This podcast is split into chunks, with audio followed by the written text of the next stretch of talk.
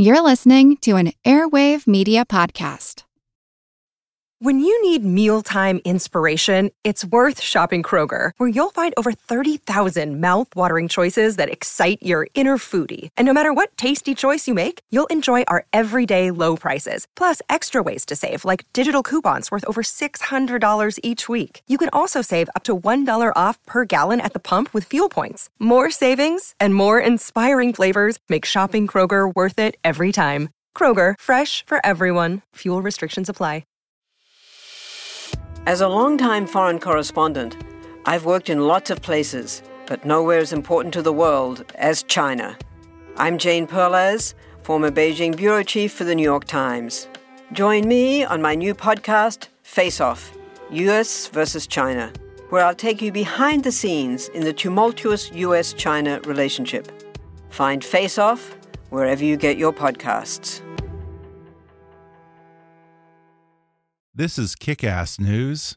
I'm Ben Mathis.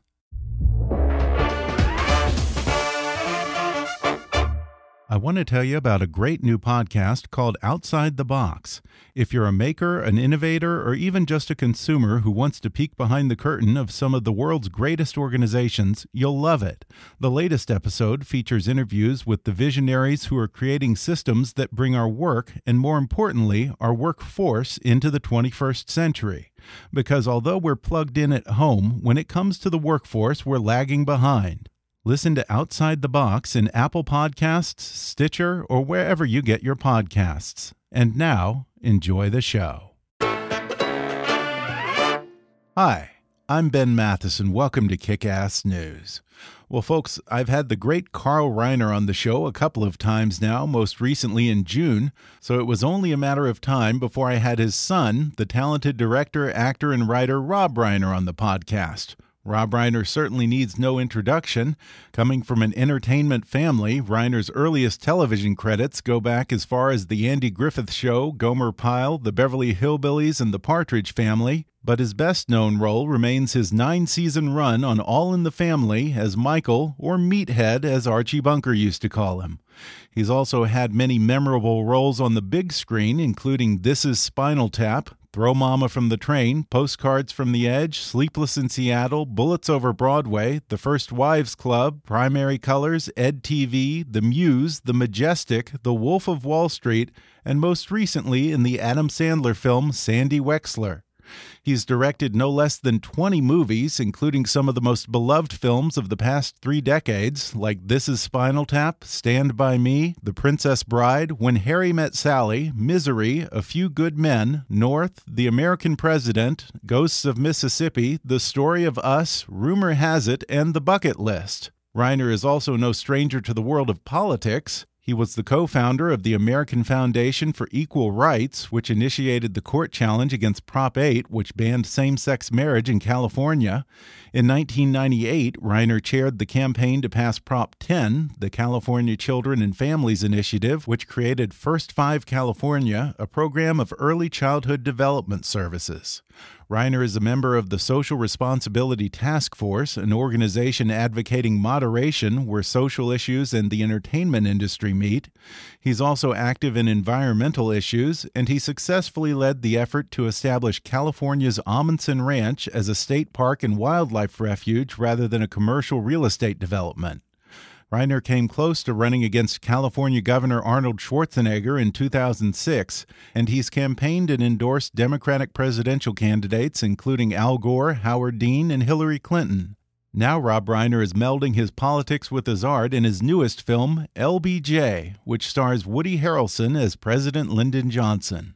And today we'll talk about how Reiner's view of LBJ has evolved since he was a young man of draft age during the Vietnam War. We'll talk about what drove Johnson to become a champion for civil rights. We'll recall a few of the more memorable LBJ anecdotes and speculate on how the famously politically incorrect president might have fared in the age of iPhones and social media.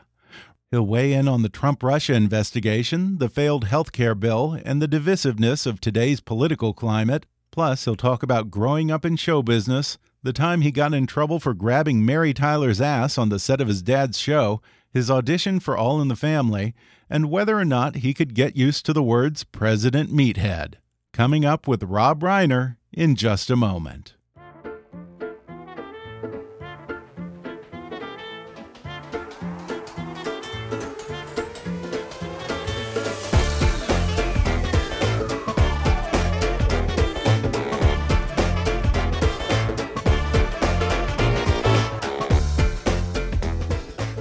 My guest today has been nominated for nine Golden Globes, three Directors Guild Awards, an Academy Award, and five Emmys, two of which he won, along with the People's Choice Award. He's well known on screen as Archie Bunker's bleeding heart son in law, Michael Meathead Stivic, in All in the Family. And I can see that you're cringing as I bring that up. No, no, what I, I wasn't. I wasn't. Cring, I wasn't cringing at that so much. I was cringing at the fact that I've been nominated for all these things and I hardly win anything. I've only won two things, so that was the thing that was most upsetting. No, the meathead thing is fine. I mean, you're only the third person to call me that Yeah, I'm today. sure. So you should feel honored. Well, aside from All in the Family, you had memorable roles in Throw Mama from the Train, Sleepless in Seattle, Bullets Over Broadway, The First Wives Club, Primary Colors, New Girl, and The Wolf of Wall Street. My guest's body of work as a director has included such a diverse range of hits as This Is Spinal Tap, Stand By Me, The Princess Bride, When Harry Met Sally, Misery, A Few Good Men, North, The American President, Ghosts of Mississippi, Rumor Has It, the Bucket List, and his newest film, LBJ. Oh, and on occasion, he has a political opinion or two. Rob Reiner, thanks for coming on the podcast. Well, thanks for having me. You know, you list all that stuff, and now I'm exhausted. Well, you know, you must not have your dad's genes because I had him on, I guess, about a month ago for the second time, and my God, I do- I- 95, I, I, actually, keeps going. I, yeah, he's 95. I actually do have his jeans, and unfortunately, uh, they don't fit.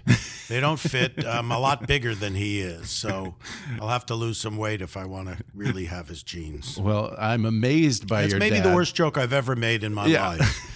Although, you know, you stick with me a while and it, it Yeah. could get worse.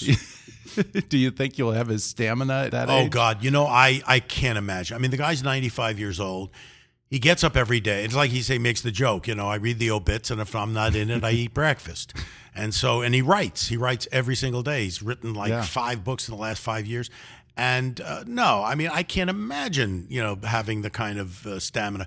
I listen. I remember when I was little and he was on the show of shows, Sid Caesar show. He was like a, you know, he was already well known at that point. And we'd be walking down the street in New York City, and I was always having to run to keep up with him. Really? You know, yeah, he his just his pace was so fast. I mean, I would la- have to sprint. So it's it's the same. You know, I'd be lucky to make it that far.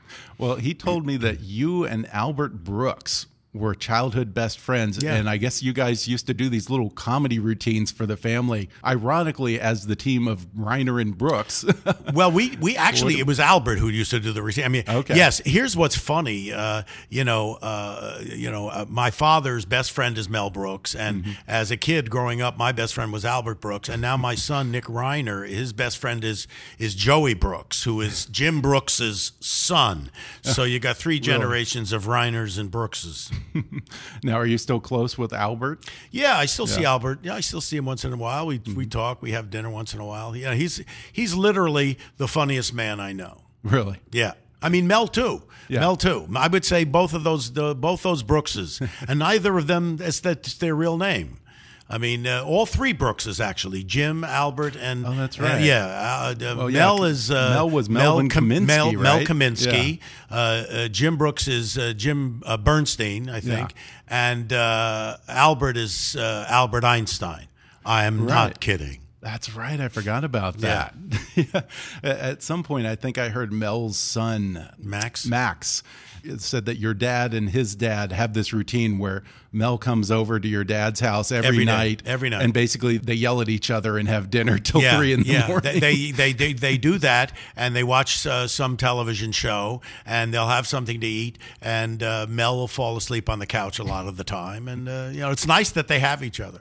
Well, I wonder, coming from such a great showbiz family, when you decided to go into entertainment, Did you ever try to work the nepotism angle, or did Dad have advice for you? No, or? no, the nepotism thing doesn't. You know, you know, it's there. I mean, it's mm. not. Listen, the name is there. The mm-hmm. nepotism part, I he never, we never did any of that stuff. I mean, he never tried to help out in, uh, in that way. But I think that was good. I mean, I had to cut my own teeth and make mm-hmm. my own mm-hmm. way.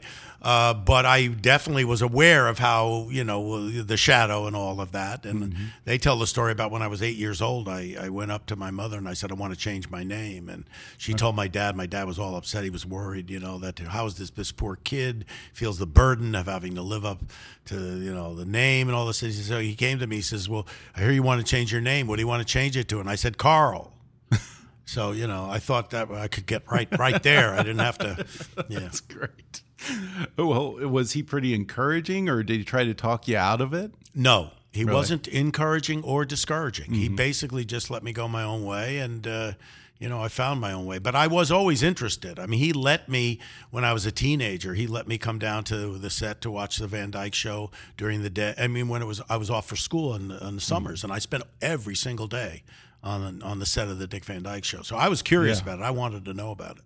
Yeah, you apparently you were curious about a lot of things because I heard this story that when you were a kid on the set, you grabbed Mary Tyler Moore's ass. Yes, I did. Some trouble. I huh? did. I did. I was I was 14 years old, and I'm not telling tales out of school because she talks about it in her book, and she actually mentioned it on. Uh, on the Letterman show. So she was a great lady. And uh, here's here's an interesting thing because I did I was you know she was so beautiful and I was 14. She was like 25 years old. She wore these capri pants and my hormones were going crazy. I don't know. You know I grabbed her. My dad called me into. She told on me. You know, and my dad called me in the office and said, "Did you grab Mary Tyler Moore by the ass?" I said, "Yeah, I did. I did." And he said, well, he had a smile on his face actually when he said it. He said, "Don't ever do that again." okay, so here's the the, the flash forward on this, and this is a you'd have to know the show because uh, she would always get crying as you go, oh, Rob, right. you know, like that. Oh, Rob. Yeah, yeah, that was the thing. And so years later, they were doing a, re- a reunion show, the Van Dyke Show, and I came down to visit. Now I had been successful all in the family, had made movies and stuff like that, and they just finished a scene where they were in. A, uh, she was in an evening gown, Dick was in a tuxedo. They finished the scene, and I told the guy, "Just keep rolling the camera." So I walked on, and I stopped her. You know, I said, "Mary, I just want to say I'm really sorry for what I did back then. I, I I, I didn't know what came over me. I just, I'm so sorry. I just feel bad. And she said, it's okay. I said, listen, you were so beautiful. I said, listen, I, you know, if I wouldn't get arrested for sexual harassment, I mean, even now you're so gorgeous. I would, she sticks her tush out right at me and I grab her and she goes, oh, Rob. Like it was like a, a, a 30 year setup yeah. to a great punch. well, I wonder, how did you get the part on All in the Family? Well, that go way back. Th- that, uh, is interesting because uh, they they did two pilots mm-hmm. at ABC, and they had two different sets of Mike and Gloria's. There were two uh, different sets of actors, and I actually auditioned for one of the times at ABC. I didn't get the part, and then they went to CBS and I came back again. And at this point, I had, I think I had gotten a little better, and I was, and then I auditioned again, and I got it that time. You started out as an actor. When did you start to think that you might want to also kind of follow your dad's footsteps into directing? Well, you, you know, I, I, I did start as an actor, but not really. I started as mm-hmm. an actor and a director. I was 19 years old, and I started my own improv group with some friends at UCLA, and I was directing the the group as well. And I had directed some theater in, in LA when I was 19. I did a production of No Exit. and Rick, Rick Dreyfuss was the star of that. And, you know, so I, I, I had done things as a director even when I was young at 19. Well, your body of work as a filmmaker, as I already mentioned, is so diverse, ranging from Spinal Tap to Princess Bride to Misery, A Few Good Men, and now LBJ. Is it a matter of you want to challenge yourself as a director by experimenting in so many different genres, or is there a consistent element that attracts you to each film? I, I don't. I don't really think about it in terms of challenging myself from a genre standpoint. Mm -hmm. I'll challenge myself in terms of the story I want to tell, but I usually have to have some kind of connection to it or some feeling about why to tell that story, whether it's a, a personal one, uh, you know, an emotional connection, or something that I've been thinking about uh, over a period of time, like LBJ. I mean, mm-hmm. this is a this is a, a person who you know a president who loomed very large in my life. Uh, I was of draft age during the Vietnam War, so he was like my enemy. I hated him because he could send me to my death to a war that I didn't, you know, I wasn't uh, supportive of and thought it was immoral and illegal. And over the years, as I have gotten older and spent some time in politics and in government and working on public policy, I started to have a greater understanding of what he what his accomplishments meant and how difficult uh, uh, what he was able to do and how how how amazing his accomplishments were. And so uh, it, it, made me think, okay, I will, I will, wrestle with this, you know, because I had a an emotional connection to it because of the Vietnam War, but then I also had this other experiential connection mm-hmm. uh, over a period of time. So that's what drew me to that. But every film is different, you know, and what, what draws me to it. There used to be there has to be some element of connection that I make to it. You probably came of voting age and of draft age probably toward the end of his presidency, right? If well, I have my math right. Well, uh, uh, uh, he actually uh, it was 1968. Uh, he didn't run. He stayed president right. through 68, okay, right, and right. he didn't run and that was the first year I could vote because mm-hmm. I was uh, I was born in in '47, so I was 21 then. But uh, I was of draft age during the Vietnam, you know, during yeah. you know '64, five, six, you know, when he won when he first won the presidency after uh, Kennedy was assassinated. I was in college, and you know, and and I was worried after if I dropped out or what would happen, and I'd get you know get drafted because there was a mm. draft then. Yeah, and it was a huge anti-war movement. Uh, you always say, well, why aren't uh, ki- kids as energized or engaged? Well, you'll get engaged if you think your life is on the line, you know, yeah. and that's why you're seeing yeah. so much uh, uh activity for for the health care bill and mm-hmm. why they when they took it away, they wanted to take it away uh, because people's lives were going to be affected. You're going to lose your health care coverage. I mean that that's that's the thing that gets you motivated. So if your life's fear. on the line, fear, absolutely, fear motivates. Yeah. Well, you and LBJ certainly are two different kinds of Democrats. I mean, you're a liberal progressive from Hollywood. He was, I guess, what we would call a blue dog Democrat from Texas. Looking back now, do you find much common cause with Lyndon Johnson? Oh, yeah. Oh, yeah. Mm -hmm. I mean, Lyndon Johnson. Uh, came into the United States Congress when FDR was still president, and right. he idolized FDR. He voted for basically for everything FDR put forward. And the legislation that Lyndon Johnson passed, I mean, when you look at it, the Voting Rights Act, the Civil Rights Act, Medicare, Medicaid, Head Start, the, the, the litany is it's incredible. I mean, it's incredible what he was, and those are all things that I uh, support. So I mean, mm-hmm. yeah, legislatively, I was you know totally in sync with him. What I didn't agree with him was the Vietnam War. You mentioned the Civil Rights Bill, and certainly LBJ is kind of a complex character because on the one hand here's a guy who would throw around the N word when he was talking with his Southern colleagues in the Senate, and yet he risked all the political capital that he had to push through certainly the most important civil rights legislation of the 20th century. What do you think drove him to take up this cause? I think that uh, at, at, his core, he was not a racist. Mm -hmm. He was from the South and he was raised in that atmosphere, but he was also raised in the West uh, Texas Hill Country. Mm -hmm. And and he knew poverty. He was of poverty. He came from a very, you know, modest background and he understood poverty. So he was never ideologically a racist, but he also knew what it took to get elected and to get legislation passed. So he did whatever he did. And like you said, he would say the N word when he was around certain people, and when he wasn't, he'd try to say, you know, he actually, we have a scene in the movie where he says, I'm the only one that can speak Southern and Kennedy. you know, he, he, he viewed himself as somebody who could, you know, wrangle people and put people together. Yeah. And uh, he was a master of, uh, at, at legislating. Yeah, he was the consummate horse trader, the master of the backroom deal and so forth. Uh, yes, politi- but you know, but you know, you have to want to get that thing done. Right. It's not just a right. matter of effectuating legislation. You mm-hmm. have to have in your core at some in some place to say, I ideal I want to get this done. This is something I think is important for the country. And then you you take those skills that you have, those those abilities to wrangle and and horse trade, but you don't do it based on nothing. It has to be Mm-hmm. based on and and he knew full well that he was going to lose the South to the that the Democrats would lose the South for as he thought a generation. It's Which now over 50 years. Yeah. It's more than More a than that, generation. yeah. Mm-hmm. yeah. way more. Over 50 years, he's still uh, you know, it's still uh, uh, gone to the Republicans. Yeah, and you know, as someone who's very much a Washington insider, master of the backroom deal, I wonder how this film will be received by the public, which seems to be super anti-establishment, anti-Washington these days.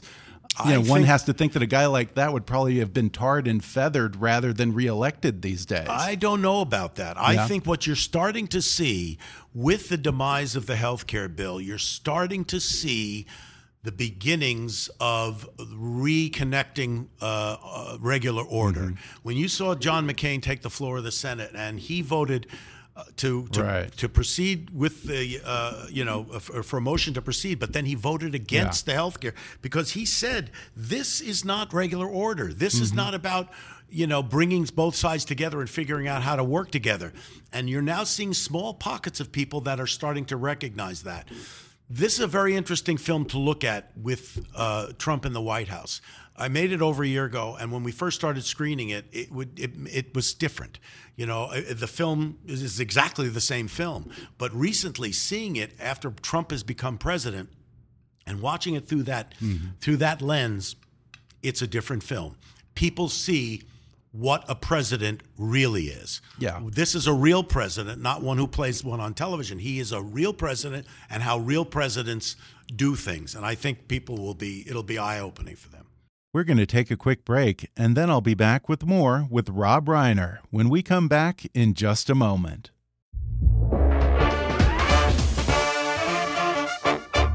Kick Ass News is brought to you by Michael Moore's world premiere Broadway show, The Terms of My Surrender. The Oscar winning filmmaker behind Bowling for Columbine and Fahrenheit 9 11 invites you on a whirlwind tour through the depraved new world we've found ourselves in since Election Day 2016. Directed by Tony Award winner Michael Mayer, The Terms of My Surrender is a hysterical, heartfelt, and subversive piece of theater that'll help make sense of how the hell we got here and how we can get out. Featuring razor sharp political insights, up to the minute translations of each day's fresh insanity, and any number of nightly surprises, this outrageous live event is as unpredictable as our current commander in chief. Everyone's welcome Democrats, Republicans, Canadians, and anyone else who believes in free expression for all. So don't miss this once in a lifetime experience with one of American politics' most incisive and hilarious voices. After all, who better to answer the burning questions of the Trumpian era than the man who saw it all coming and tried to warn us? Michael Moore's The Terms of My Surrender on Broadway for a strictly limited engagement. Visit michaelmooreonbroadway.com for more info. And now, back to the show. I mean, here we are six months into the Trump presidency, and really the only silver lining seems to be that he's basically had the most impotent administration in modern memory. I mean, Republicans have control of essentially the entire government, and yet they can't seem to turn a single campaign promise of his into actual legislation. The substance of that policy aside, maybe there's something to be said for having an old fashioned political horse trader who can actually make things happen again. Well, well, that's part of it, but it also you have to understand you're dealing with a man who has absolutely no uh, core beliefs and has absolutely no ideology. His only core belief is himself, and so there is no passion about uh, the things he wants to do. It's only about what is expedient for him. I would argue that political orthodoxy for Republicans is global trade policy. Right. And so that's not something that Republicans are keen on uh, ripping up NAFTA or ripping Right. up uh, Traditional Republicans. Yes. Well, I mean, and, and many of them have fled away from Trump, like yeah, Bill Kristol. Yeah, well, like many many of the Yeah. thoughtful Republicans, they don't, you know, border security is important, but they don't want that wall. That wall is not something they want, and so. Yes, they want to repeal and replace Obamacare. They've been saying that for seven years, but I think a lot of that comes from uh, the the extreme right of the party and some of these Tea Party people who Mm-hmm. don't really understand about how people live in America. Most of the people that they are saying they're representing are dying to have Medicaid. They love Medicaid. They love Obamacare because it expands Medicaid. Mm-hmm. They're not against that. These people are just connecting to what they think is a, a, a small section of their base that's holding them hostage. And so none of the things that Trump is in favor of are they for. The yeah. perfect example is he's soft on Russia. Yeah. He, why is he soft on Russia? Well, we pretty much know why. But that's the the important thing to know is the Senate either 97 or 98 to 2 passed uh, uh, a bill saying we're going to be strong on Russia. We're going to be strong on on on on uh, uh, North Korea and Iran.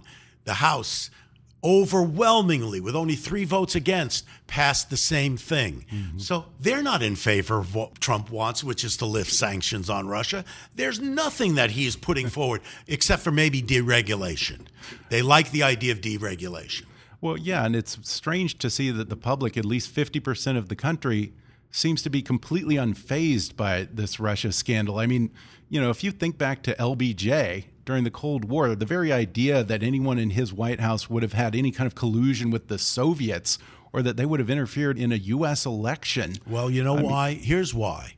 Because in the Cold War, and this is an ad that only ran one time when LBJ ran against uh, Goldwater. Uh, Goldwater, they had a, a, a bomb, an atom mm -hmm. bomb blowing up and they said, Is this the man you want to entrust, meaning Goldwater, with his finger on the button? That was an enormous, powerful ad mm-hmm. that basically, in very clear terms, showed the public what we were dealing with. What we're dealing with now is way, way more destructive than dropping an atom bomb. If the Russians had dropped an atom bomb on New York City, just like when those planes went into the World Trade Center, everybody united. Mm-hmm. People have a hard time understanding that what Russia was able to do was invade our democracy mm-hmm. and that our way of life, which is something they're playing a long game at, our way of life right. is in danger right now. And if people understood that, they'd be just as up in arms mm-hmm. about about uh, what happened during the Cold War. But we know based on what cyber warfare can do, it's way more powerful than dropping an atom yeah. bomb. We're talking about the ability to shut down electrical grids, to stop the water supplies, to uh, uh, literally weaponize it so mm. that you can blow stuff up. I mean, we did it with the Israelis in Stuxnet. Yeah. We blew up centrifuges in Iran. So it can be done. Yeah. People have to understand that that's what's involved here and that we are a 241 year old democracy. We're the beacon to the world, and great societies last anywhere from 250 to 300 years. So we are on a cusp right now. And whether or not we are deciding we're going to uphold the principles of democracy and stand for those uh, institutions which support democracy, like the freedom of the press and equal branches of government. These are the things that we have to fight for now, and people have to understand that that's that's what's at stake here. Yeah, and what you said a moment ago about cyber war and what the end game really is with Russia is very similar to what I heard about a week ago when I had a conversation with a cybersecurity expert. He said it's way worse than we even realize. Yes. It's not just about influencing election. It's about sowing seeds of doubt in the right. process and then convincing our government that we're so unsafe and so vulnerable to cyber attack that we will then get on board with rolling back all kinds of internet freedoms, not just here, but around the world, thus allowing China and Russia to well, get what they want well, and be able to roll back freedoms on their own people. Th that that's exactly right. And there's another aspect of it as well, which is once you start sowing the seeds of doubt in the democracy, you're saying, you know, that way of life isn't the one that works. Mm-hmm. We have been trying to sell this idea of inclusiveness, of you know, letting people have freedom of press, of religion, of all of those things that we hold dear. If if they can get a wedge in, which they've already done, mm-hmm. to make us doubt whether or not our way of life is the better way of life, then you have the European Union, you have uh, NATO dissolve, you have all of those things that have we have put into place to protect our way of life start to crumble. And that's where we are right now. And that's why we have to fight hard against this. Yeah.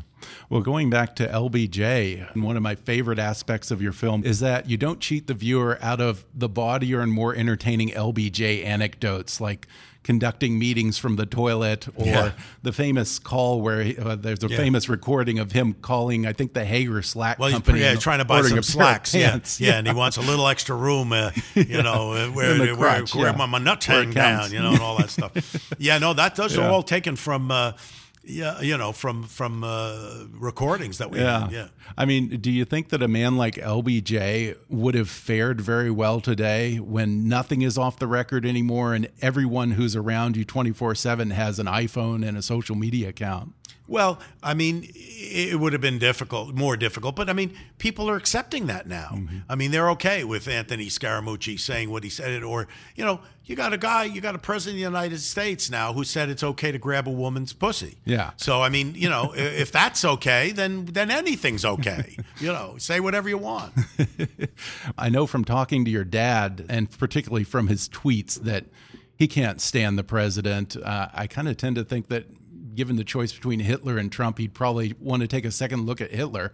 Yeah. I don't know about that. What, what do you th- what do you think bothers you the most, or just completely drives you crazy about Donald Trump? Well, uh, the thing that bothers me most is that we have somebody who is completely uh, incapable and inept uh, as a president, who's uh, got mental health issues uh, who is greedy and uh, only cares about himself and not about the country. Uh, so that you know, and, and has no business being president. And uh, the fact that he's diminished our our standing in the world. Um, there's almost nothing, and I make the joke of the only people, the only jobs that he's provided is for comics.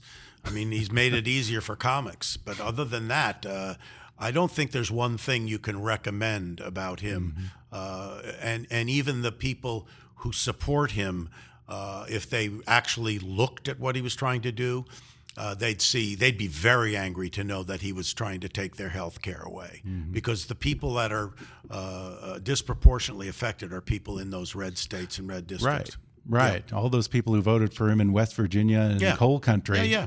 They'd yeah, like no, to keep they're their basically care. he's basically against you know, helping them. And, you know, for him to lie and say, I'm going to bring manufacturing jobs back or bring the coal. Coal, uh, coal mining jobs back. It, it's not going to happen. It, it won't happen, and uh, uh, so he's not only that, he's a liar. He's self-aggrandizer. He only cares about himself, and it's just very sad that we've mm-hmm. gotten to this point in America where yeah. a person who a person like that can become the president. Well, you've always been fairly politically active and vocal about your beliefs, involved and engaged civically. But your movies up till now, with the exception of The American President, have for the most part been apolitical.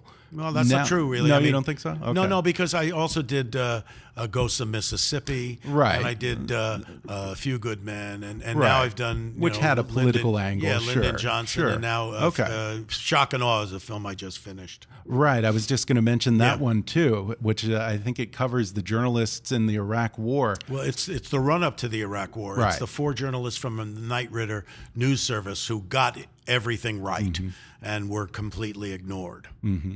So then you don't feel that maybe you're getting a little bit more comfortable with melding your politics and your art. You feel you know, that you've you know always what, you know what I'm that, getting huh? more comfortable with because I know that when I make a movie like uh, Shock and Awe or you know LBJ, whatever the movie I'm making that has a political uh, overtone to it, uh, people will hate me for it.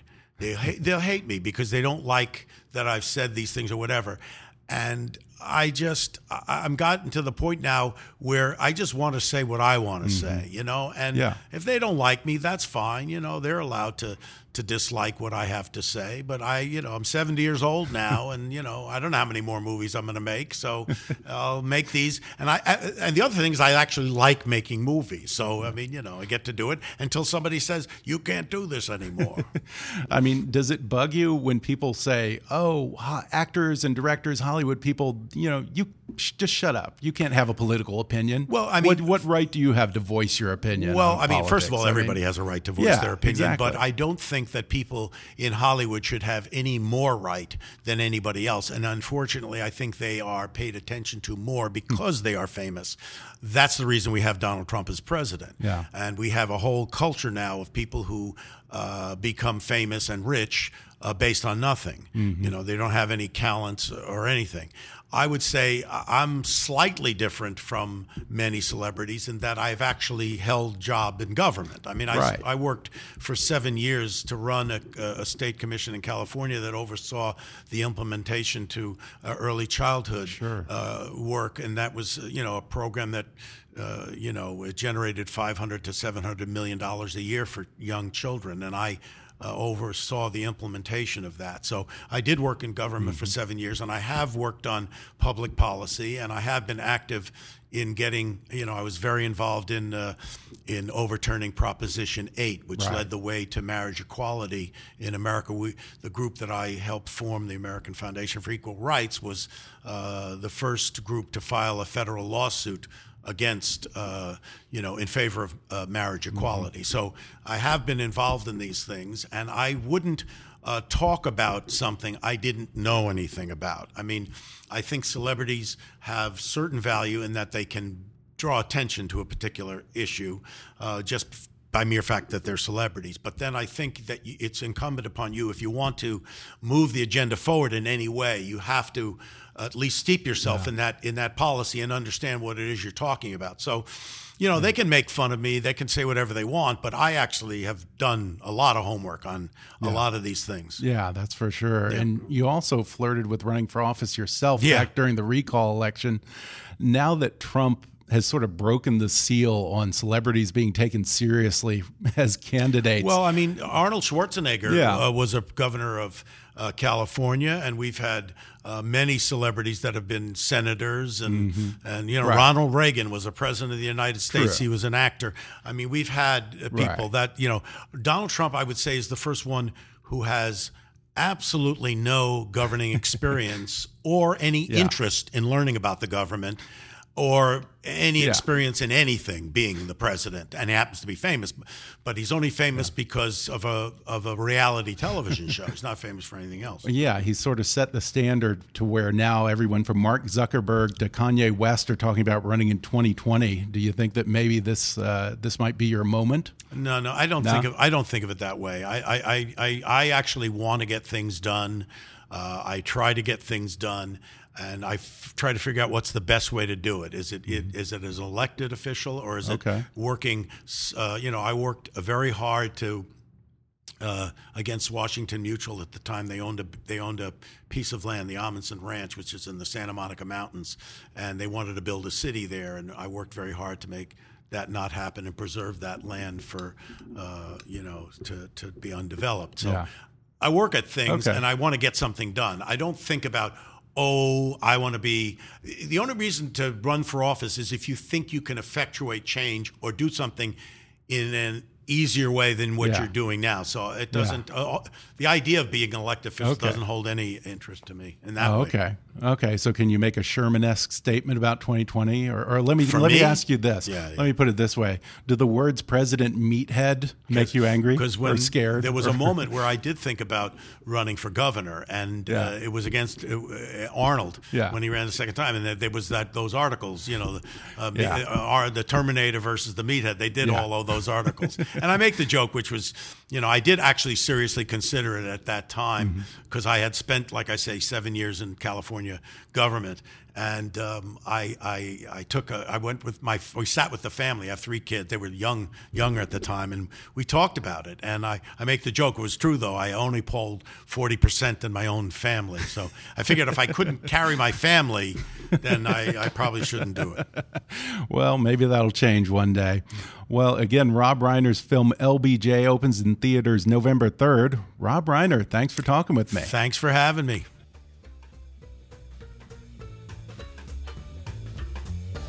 Thanks again to Rob Reiner for joining me on the podcast. Mark your calendars for his latest film, LBJ, which comes out this November 3rd. And follow Rob Reiner on Twitter at, at Rob Reiner. Be sure to subscribe to Kickass News on iTunes and leave us a review while you're there. Don't forget to take our listener survey. It only takes five minutes at podsurvey.com/kick. You can visit Kickass News on Facebook and follow us on Twitter at, at KickassNewsPod. And be sure to recommend Kickass News to your friends on your social media. And if you really want to help out, then donate to our GoFundMe campaign at gofundme.com slash kickassnews or click on the donate button at kickassnews.com. As always, I welcome your comments, questions, and suggestions at comments at kickassnews.com. For now, though, I'm Ben Mathis, and thanks for listening to Kickass News.